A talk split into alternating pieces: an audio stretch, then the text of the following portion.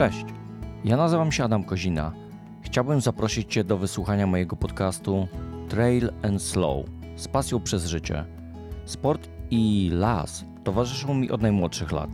Teraz, po latach osobistej i zawodowej wędrówki, doszedłem do momentu w swoim życiu, kiedy nareszcie uświadomiłem sobie, że czas powrócić do tych moich pasji. W tym podcaście na temat sportu, trail runningu, slow joggingu, jogi dla biegaczy czy TRX-a będę chciał rozmawiać pod kątem pasji i przyjemności z ich uprawiania. Chciałbym natomiast skupić się na mindfulness, shirin yoku, odżywianiu i mojej pasji do kawy. Chcę pokazać Ci moje spojrzenie, mój sposób na to, aby zachować zdrowie, sprawność, na czerpanie radości z życia. Więc jeśli te tematy interesują także i Ciebie, zapraszam.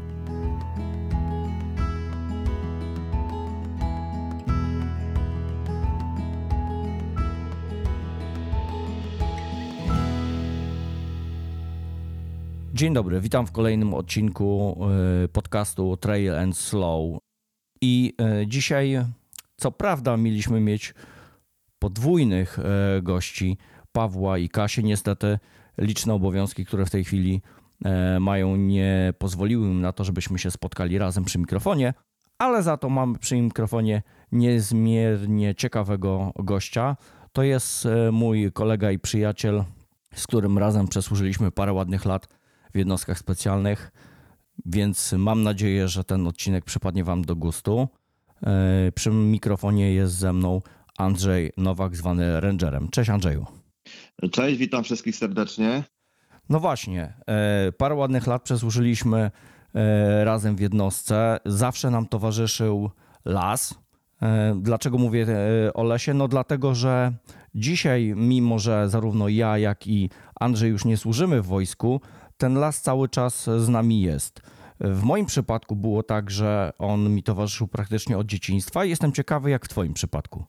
E, podobnie jest u mnie. E, ja w zasadzie odkąd pamiętam, wychowywałem się blisko natury.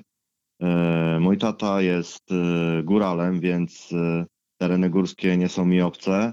Mama pochodzi z Mazowsza, okolice Ciechanowa. Tam też jest dość przepiękny teren dużo możliwości na bliskość z naturą, więc to jakby od tego wszystko się zaczęło. No a później, no jak wiesz, y, losy nas pchnęły w stronę munduru, y, gdzie ostatnie lata to właśnie jednostki specjalne. No i tam też mieliśmy dużo takich zadań, które wykonywaliśmy w warunkach górskich, E, morskich, e, czy też e, w terenie zalesionym. Właśnie, pytanie, to mam rozumieć, że to twoje dzieciństwo w lesie i w górach, to między innymi dzięki temu wylądowałeś w, le, w tym wojsku, czy też zupełnie jakby obok tego, co wcześniej w dzieciństwie miałeś? To znaczy te pasje, które powstawały wcześniej w trakcie dzieciństwa, no trochę były połączone z wojskiem, no bo tata żołnierz, więc y, ja też miałem okazję przyglądać Czyżby podhalańczyk?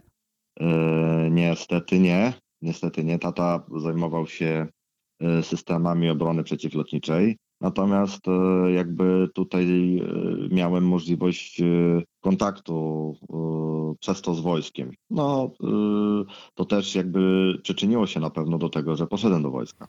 No właśnie, już jesteśmy obydwaj parę ładnych lat poza tym wojskiem. Niemniej jednak e, i w moim, i w Twoim przypadku ten las e, został razem z nami. E, co prawda w trochę innym wydaniu, tak? No, ty poszedłeś w drogę szkolenia, szkolenia ludzi, szczególnie młodzieży. Mm, czy to był taki dla ciebie oczywisty wybór, że idziesz w stronę tego szkolenia, czy też jakby gdzieś wynikało to z zupełnie innych przyczyn? Y, jeszcze pracując w jednostce miałem okazję współpracować z harcerzami. Wspierałem ich działania i to była młodzież. Tam odnalazłem przestrzeń na pracę no, z tymi ludźmi. Jest to bardzo ciekawy temat. E, w tej chwili odchodzi się trochę od tych tradycyjnych metod szkolenia, bo wypiera to elektronika, E, no udaje się, bo jednak ci młodzi ludzie potrzebują takich wyzwań. No i wydaje mi się, że to są wyzwania, które y, można y, potraktować jako wyzwania z sukcesem, bo ci młodzi ludzie poszli też w nasze ślady, tak krótko mówiąc. No tak, e, praktycznie wkrótce e, po odejściu z jednostki chyba założyłeś, z tego co pamiętam, e, projekt Ranger. E, To nie tylko typowo wojskowe rzeczy, czyli strzelania, ale też e, właśnie survival i bushcraft. I wiesz co, wiele osób bardzo ma duży problem z rozróżnieniem, jaka jest różnica tak naprawdę między survivalem a bushcraftem. Najczęściej gdzieś jak się to pojawia, no to, że survival to jest e, takie bardziej nastawione na przeżycie w lesie, funkcjonowanie, a bushcraft to bardziej tak e, turystycznie, hobbystycznie i tak, e, żeby tylko po prostu poprzebywać e, w naturze. Jaka twoim zdaniem jest różnica między zarówno survivalem a bushcraftem? Czy ogólnie w survivalu chyba przede wszystkim chodzi o przetrwanie i od tego chciałbym zacząć, bo y, początkiem każdego takiego procesu jest człowiek. To, w jaki sposób żyjemy na co dzień, w jaki sposób odżywiamy się, w jaki sposób adaptujemy się do naszego otoczenia, jest początkiem zarówno survivalu, jak i bushcraftu. Survival y, jest to takie y, przeżycie w oparciu o to, co zastaniemy, tak, y, za- zaadaptowanie się z, ze środowiskiem. Mówiąc na przykładzie, to kiedy wchodzimy do lasu, to przede wszystkim musimy mm, umieć poruszać się po tym lesie. To jest jakby oddzielna sprawa. A druga sprawa, musimy wiedzieć, w jaki sposób korzystać z tych zasobów, żeby przetrwać więcej niż 24 godziny. Y, I to jest według mnie survival. Bushcraft, no słusznie zauważyłeś, z tym, że no, na naszych szkoleniach też próbujemy pracować w oparciu o minimalne wyposażenie. E, Oczywiście, że bazą jest taki e, profesjonalny sprzęt z plecakiem, bo to budzi wyobrażenie jakby o tym bushcrafcie, no ale na kolejnych etapach tego sprzętu jest coraz to mniej, no i wtedy zaczynają się trudności. Na tym polegają między innymi nasze też szkolenia. Mhm. E, A powiedz mi, e, czy jak patrzysz dzisiaj z perspektywy czasu, no bo już ładnych pa- parę lat się tym zajmujesz, to czy większe zainteresowanie dzisiaj e, tą częścią survivalu czy bushcraftu jest jednak u osób z, jakby z naszego pokolenia i ciut młodszych, czy jednak ta młodzież, która tak wszyscy narzekamy na nią non-stop siedzi przy telefonach, jednak zaczyna się garnąć e, do tego typu szkoleń, przebywania jednak w naturze i e, odkładania tych telefonów na bok. To znaczy, myślę, że tutaj należy zrozumieć też e, taki potrzebę cywilizacyjną, że ta młodzież też musi mieć kontakt z tymi narzędziami, takimi jak telefon. Natomiast ja swoimi szkoleniami na tyle tych młodych ludzi zaciekawiam, że oni chcą y, nowych wyzwań, że jednak widzą taką, y, takie braki, że ten, te, ta, ten kontakt z tą elektroniką no nie jest taki realny, rzeczywisty. A te szkolenia, które my robimy, są ciekawe. e, Zresztą ty też w niejednych e, takich szkoleniach brałeś udział, to wiesz, e, i one pokazują prawdę po prostu. Wynik e, i, jakby sukces dodatkowo motywuje tych e, młodych ludzi. Znaczy, m, wiesz co, ja gdzieś tak patrząc z perspektywy, ponieważ obydwaj e, funkcjonowaliśmy też w świecie takim bardzo mocno cyfrowym, bo obydwaj wywodzimy się z łączności z IT, więc Mhm. znaczy ja odnoszę wrażenie, że bardzo często te problemy młodzieży wynikają z tego, że oni nie potrafią za bardzo dobrze wykorzystać e, tej technologii, które mają. Znaczy oni się posługują nią świetnie na swoje potrzeby, ale tylko i wyłącznie na swoje potrzeby. Jeżeli jest coś, co wykracza poza możliwość e, takiego codziennego użytku, to mimo, że mają ten sprzęt pod ręką, nie za bardzo wiedzą, z czym to się je i jak to zrobić. E, Ja też mówię z perspektywy takiej, że gdzieś też uczestniczyłem w szkoleniach, między innymi trochę dla wojska, związanych e, z ratownictwem i e, jakby poszukiwaniem osób zaginionych. I tam e, pokazywałem różna, różną technologię, nawet tą nie tylko wojskową, ale tą cywilną, w jaki sposób można dać znać, gdzie się znajduje osoba, która zagi- zaginęła, jak ewentualnie wezwać pomoc. I to są rzeczy, które są prozaiczne, łatwo się nimi posługiwać, ale ludzie nie mają bladego pojęcia o tym. No tak, no my y, jakby z racji doświadczenia możemy powiedzieć, że dostępność tych rzeczy jest y, niewielka. Natomiast na bazie prostych y, rzeczy, między innymi też z bushcraftu czy survivalu, rozwijając to, co powiedziałeś, jest możliwość wezwania takiej pomocy i to jest jakby rzecz, którą ja pokazuję tej, tej młodzieży, tak? I to działa, oni widzą, że działa, a to również można przenieść na tą płaszczyznę taką, na tą platformę e, cyfrową, że tak powiem, bo oni też muszą nauczyć się korzystać z narzędzi, e, które będą ich w przyszłości wspomagać. Także słusznie powiedziałeś, że jednak te rzeczy, które są, wydawałoby się zaawansowane, one są tak naprawdę proste. Tylko nie można się tego bać. Trzeba umieć z nich skorzystać, otwierać głowę, działać, tyle.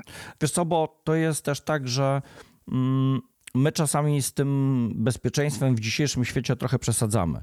Ja kiedyś słuchałem bardzo fajnego podcastu dotyczącego akurat e, zupełnie innej trochę działki, bo mowa była o naturalnych e, placach zabaw dla dzieci i tam pani, która zajmuje się projektowaniem takich ogrodów, mówiła, że to nie, to nie o to chodzi, żeby to wszystko było super bezpieczne i żeby człowiek sobie nie zrobił całkowicie krzywdy, Oczywiście place zabaw muszą być bezpieczne na tyle, żeby dziecko e, nie zginęło, nie uległo bardzo poważnym wypadkom, ale niemniej jednak ono musi odczuć e, to ryzyko, bo dzięki temu potrafi realnie ocenić je.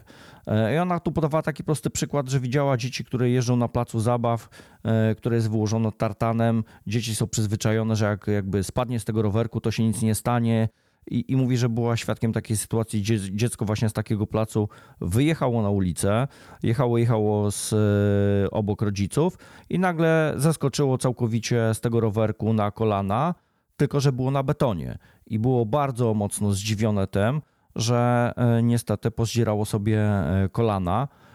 Oczywiście płacz dziecka i ból, i to jest właśnie to. to. Tak jak ona mówiła, my poruszając się w naturze, Kiedyś nie mieliśmy takich placów zabaw, więc y, ganialiśmy po drzewach. Niejednokrotnie spadaliśmy z tych drzew, ale dzięki temu uczyliśmy się oceniać ryzyko. I tak samo jest w bushcrafcie czy survivalu. Nie wiem, czy dzisiaj y, zauważasz, że młodzież ma jednak problem z tym ocenianiem tego ryzyka mm, prawidłowym i odpowiedniego zachowania. Wiesz co, ja Ci przede wszystkim dziękuję, że poruszyłeś tą kwestię, bo y, jakby dokładnie jest tak, jak powiedziałeś, że bushcraft czy survival pociąga za sobą konsekwencje. Y, błędy popełniane no, y, niosą za sobą też przemyślenia. Przemyślenia, no to tak jak mówisz, granica bólu, pewnie widziałeś z tymi młodymi ludźmi, uczę ich wychodzenia z hipotermii. Ostatnio robiliśmy taki challenge, bo już któryś raz to robimy i wybrałem trzy punkty, w których e, po prostu weszliśmy do wody. No już na trzecim punkcie było ciężko. I oni widzieli, że jednak są granice i że też trzeba umieć sobie radzić e, z takimi wyzwaniami choćby własnego ciała, tak? No tak, no bo nie, nie wiem, czy pamiętasz parę dni, chyba, przepraszam, że ci przerwałem, że chyba ze dwa lata temu był straszny taki boom właśnie na, na to, o czym mówisz, czyli na morsowanie e, i takie w, śniegu ganianie e, praktycznie tylko i wyłącznie w stroju kąpielowym, czyli tak zwanym sauté. Mhm. I wielu młodych ludzi nagle stwierdziło, że to bardzo fajnie, że to jest takie modne, rzuciło się. Ja pamiętam, ilu ratowników górskich z tego tytułu miało bardzo poważne problemy, tak? Bo ludzie w shortach, nieprzyzwyczajeni, nie umiejący się posługiwać E, i zachować w takiej sytuacji, właśnie w przypadku e, hipotermii. Poszli sobie nikomu nie mówiąc w góry, a potem był e, straszny duży problem i wielu z nich no, poniosło bardzo poważne konsekwencje, bo to skończyło się na dosyć poważnych odmrożeniach, nawet trzeciego stopnia. No i właśnie potem był ból. No właśnie dlatego jesteśmy my, Adam, bo my jesteśmy doświadczonymi osobami i praktycznie wiele rzeczy przetrenowaliśmy i cały czas jesteśmy, że tak powiem, na fali, więc wiemy, z czym należy i jak należy przeprowadzać te szkolenia, żeby one uczyły, a zarazem też y, y, nie powodowały różnego rodzaju niebezpiecznych zdarzeń. Mieliśmy okazję, nie wiem czy pamiętasz na ten temat też rozmawiać, więc y, absolutnie zgadzam mhm. się z Tobą, że wszystko należy robić z głową, bo jeśli ktoś ryzykuje swoje życie, ok, natomiast za tym poszły też inne konsekwencje w postaci uruchomienia praktycznie całej służby górskiej, która począwszy od chłopaków z ratownictwa, e, pilotów, służby medycznej, policji, no jest to maszyna. Nikt tego nie bierze pod uwagę. Taka roztropność, no niestety to też konsekwencje. Wiesz co, ale ci powiem, że jakby dzisiaj patrząc z perspektywy e, czasu, ponieważ e, gdzieś po odejściu z wojska jeszcze funkcjonowałem e, na tym rynku cywilnym, ale zajmowałem się między innymi dostawą sprzętu też ratowniczego dla zarówno wojska, ale i służb cywilnych. Powiem ci szczerze, że jak patrzę dzisiaj, to jakby mm, mamy bardzo duży problem, e, jeżeli chodzi o branie tych wzorców, gotowych e, wzorców, jeżeli chodzi o ratownictwo takie i pomaganie i jakby nawet e, myślenie, jeżeli chodzi o przebywanie w lesie, w stosunku do tego, co się dzieje na Zachodzie.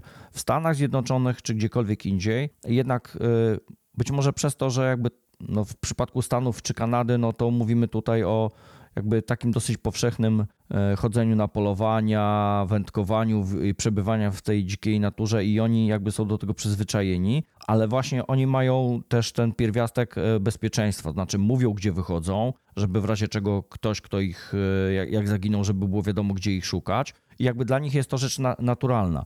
U nas cały czas my mamy z tym problem, tak? E, jeżeli e, mówimy nie tylko o takich e, wyjściach sobie do lasu prywatnie z grupką znajomych, ale nawet jest bardzo duży problem w momencie, kiedy mówimy o szczególnie grupie młodzieży, na przykład wycieczkach szkolnych, które idą sobie gdzieś do lasu czy w góry, no cały czas widać nawet po kilku przypadkach dosyć tragicznych. Także ta świadomość jednak, jeżeli chodzi o zachowanie bezpieczeństwa, przynajmniej minimum, tak, i e, ułatwieniu zarówno sobie, jak i służbom ratowniczym w razie czego poszukiwania, no jednak jest e, dalece, dalece w stosunku do innych krajów. E, Polska niestety ma jeszcze chyba dużo do zrobienia w tej kwestii. No tutaj się zgadzam z Tobą, bo ostatnio mm, też mam tą przyjemność, że nie tylko uczę przedmiotów takich wojskowych, przygotowania wojskowego, ale uczę też edukacji dla bezpieczeństwa. Bardzo dobrze, że to robię. E, natomiast zauważyłem jedną ciekawą rzecz. Znajomość y, numerów alarmowych, no powiedzmy sobie, jest na jakimś takim w miarę y, dobrym poziomie. Natomiast y, jeden z elementów takiego bezpieczeństwa naszego to jest lokalizacja. No i tutaj się rozczarowałem, przyznam się szczerze, bo pomijam wiedzę taką już profesjonalną, gdzie wchodzimy do lasu, trzeba ten, tą trasę śledzić, obserwować, żeby wiedzieć, jak się zachować, żeby się nie zgubić, ale w takiej dżungli miejskiej też jest problem. E, bo po pierwsze elektronika, mogę wyjąć telefon i ok, ja mówię, a e, pytając e, prostej rzeczy, jaki jest adres miejsca, w którym teraz jesteśmy. Na grupę 40 osób odpowiedziały dwie. No to coś, coś znaczy, nie? Także ja ogólnie pracę taką z survivalem zaczynam od orientacji w terenie, pracę, pracę z mapą, i nie przechodzę dalej, jeśli widzę, że ten człowiek sobie nie daje rady z tym. No tak, no praca na takich podstawowych narzędziach, yy, szczególnie, że no, telefon też ma swoją baterię, a ono ma też swoje ograniczenia, szczególnie w niekorzystnych warunkach. Yy, jeżeli mówimy tutaj o niskich temperaturach, to wiadomo, że żywotność tych baterii z, yy, z reguły spada i trzeba się z tym liczyć dosyć mocno. Natomiast wydaje mi się, że my też naprawdę nie wykorzystujemy tych możliwości, bo E, dzisiaj są te telefony bardzo powszechne, powszechne są bardzo smartwatche i praktycznie każdy ze smartwatchy, już nawet taki średnio zaawansowany, ma opcję e, śledzenia, którą zawsze jak gdzieś wychodzimy w nieznany teren, można sobie uruchomić, powiedzieć rodzinie, że w razie Dokładnie. czego może sobie sprawdzić na mapie, gdzie jesteśmy e, i my już nawet nie musimy im mówić. W razie czego po prostu nie, nie wracamy przez dłuższy czas, to zawsze mogą po prostu zalogować się i zobaczyć, gdzie przebywamy i w razie czego wezwać tą pomoc. To są takie prozaiczne rzeczy i do tego naprawdę nie trzeba super wielkiego sprzętu. To jest raz. Dwa, wiesz co, interesuje mnie jeszcze jedna rzecz, bo jakby mm, w wielu aspektach nasze życie zmieniło się po covid no i też y, gdzieś na skutek y, całej tej sytuacji, którą w tej chwili mamy w Ukrainie. Jestem ciekaw, czy dzisiaj widzisz różnicę, jeżeli chodzi o podejście właśnie czy do survivalu, czy do bushcraftu i czy tych osób, które się tym interesują z powodu COVID-u i całej tej sytuacji w tej chwili jest więcej, czy też mniej? Czy być może jest to podobna liczba osób? Wiesz co, przede wszystkim chciałbym troszeczkę wrócić do Twojej wypowiedzi na temat e, tego, w jaki sposób wygląda ten survival w Stanach. Oni mają potężną przestrzeń i jak wiesz, mają tak potężną swobodę e, w podejmowaniu decyzji e, i też świadomych decyzji. I rzeczywiście tutaj chcę, mam nadzieję, że ktoś mądry posłucha tego, co mówimy, chcę zainteresować mądrymi rozwiązaniami, które mogą naprawdę tych ludzi przygotowywać do trudnych sytuacji, może tak to nazwijmy, w prosty sposób, tak naprawdę. E, tak, zgadzam się z Tobą, odpowiadając na Twoje drugie pytanie, drugą część, że po y, COVID-zie i przez, no, powiedzmy sobie, burzliwą sytuację wokół naszego kraju, e, zainteresowanie takimi szkoleniami wzrosło.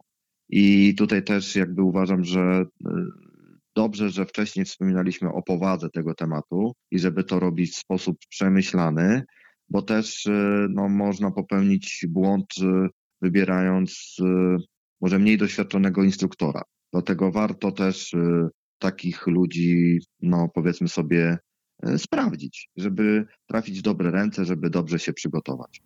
No tak, no z tymi instruktorami to też jest problem, bo na dzień dzisiejszy chyba Mm, z tego co ja sobie kojarzę, nie ma żadnych wykładni prawnych czy podstaw prawnych do gdzieś nawet sprawdzenia, czy ktoś e, ma to doświadczenie, bo jakby tym do tej pory się nikt nie zajmował. Owszem, bardzo często to jest tak, że czy survivalem, czy bushcraftem gdzieś e, zajmują się osoby właśnie po wojsku, czy gdzieś po służbach, które mają gdzieś doświadczenie, ale nie, nie zawsze tak jest. Bardzo często to są osoby, które gdzieś tą tematyką zajmowały się zupełnie Mm, hobbystycznie, czasami dobrze, czasami źle. I tak naprawdę nie ma weryfikacji e, tych osób i ich umiejętności.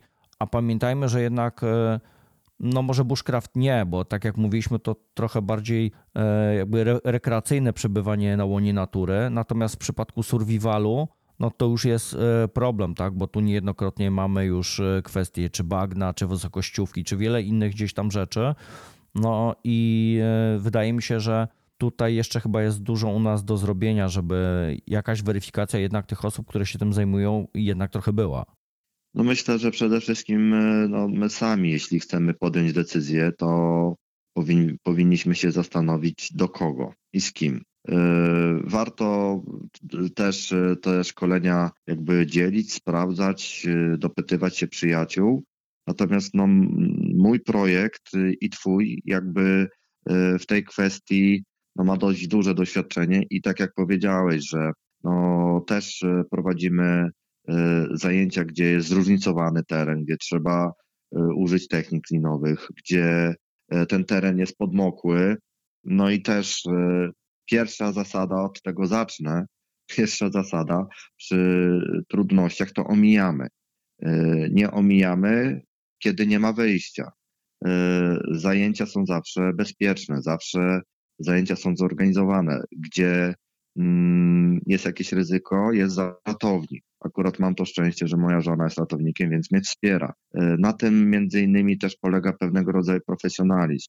Każdy, myślę, że kto mniej więcej w temacie e, szkoleń jest, to każde zajęcia rozpoczyna o jakby od zapoznania z tym sprzętem. Na to też należy zwrócić uwagę, e, żeby zobaczyć, dotknąć ten sprzęt, jakim on jest w stanie.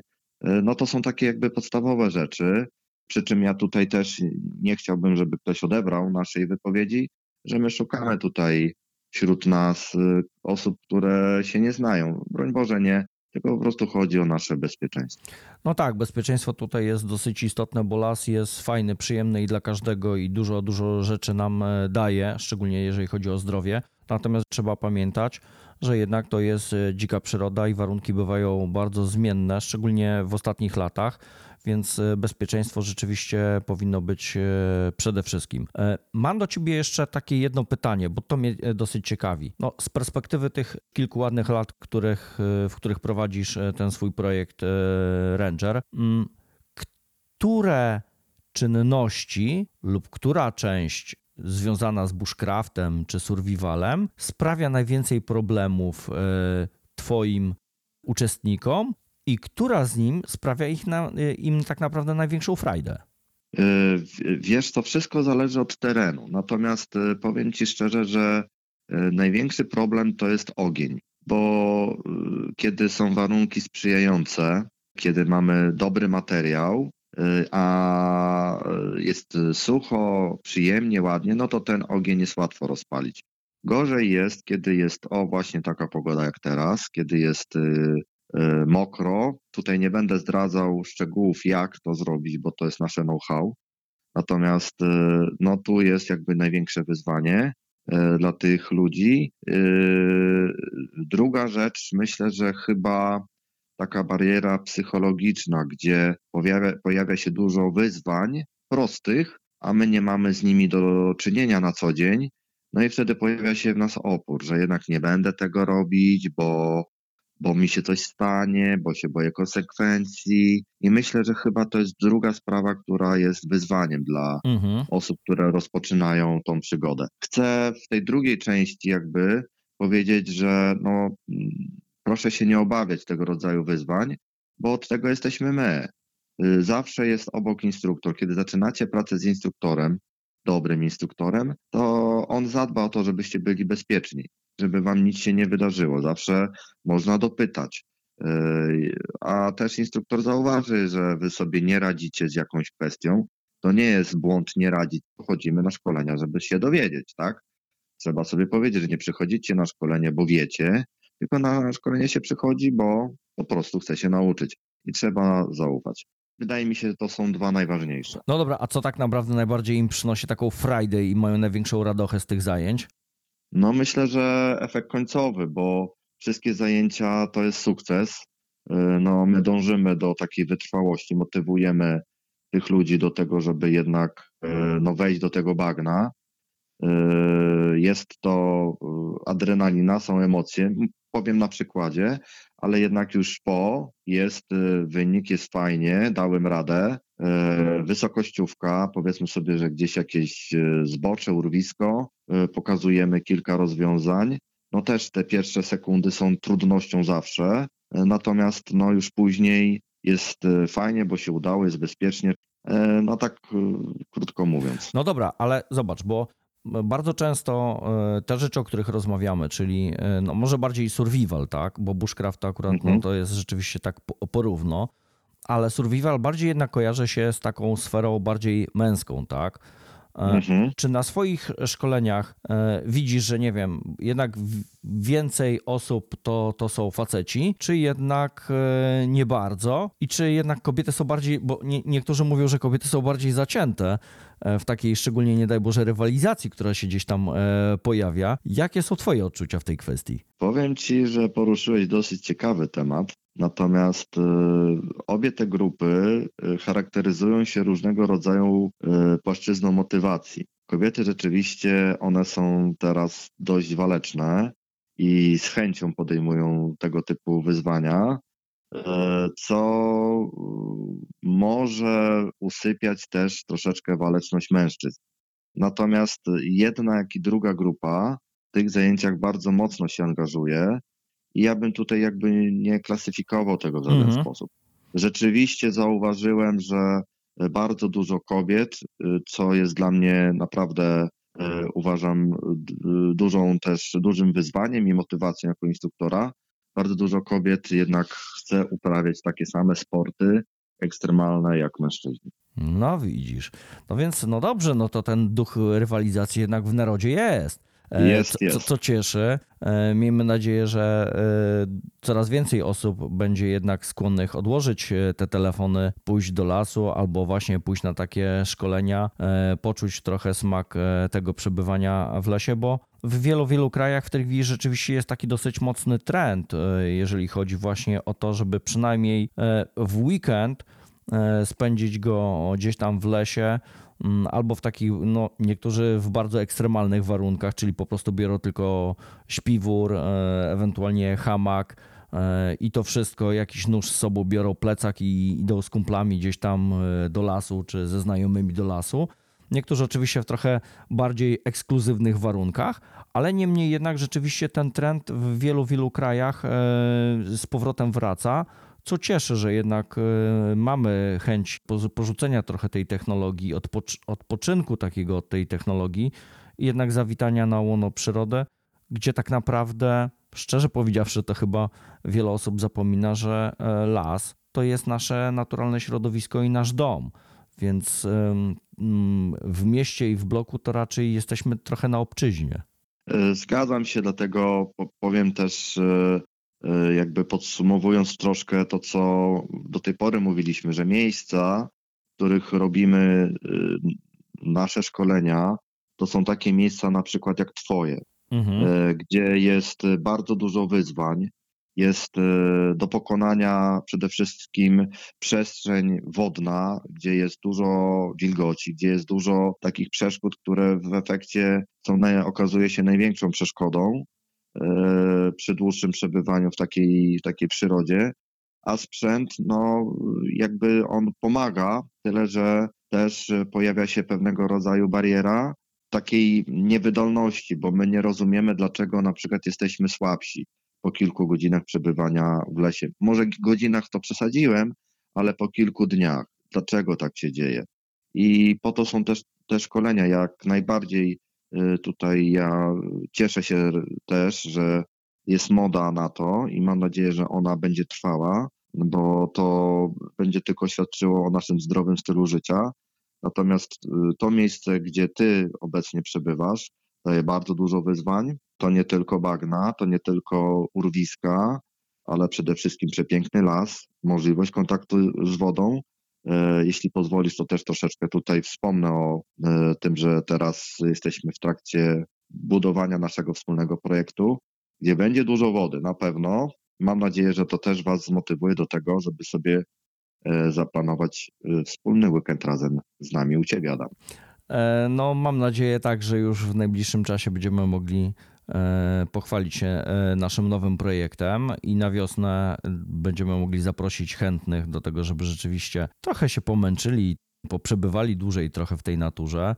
Nie zapominajmy niemniej jednak jeszcze przy tym wszystkim, przy tym naszym bytowaniu o tym, że w naszych lasach jest sporo zwierzaków, więc też po pierwsze Pamiętajmy, żeby za bardzo im nie szkodzić. No i dwa, miejmy pod uwagę też nasze bezpieczeństwo, bo nie każde z tych zwierząt e, jest dla nas przyjazne, a dla niektórych wbrew pozorom jesteśmy dosyć e, smakowitym kąskiem.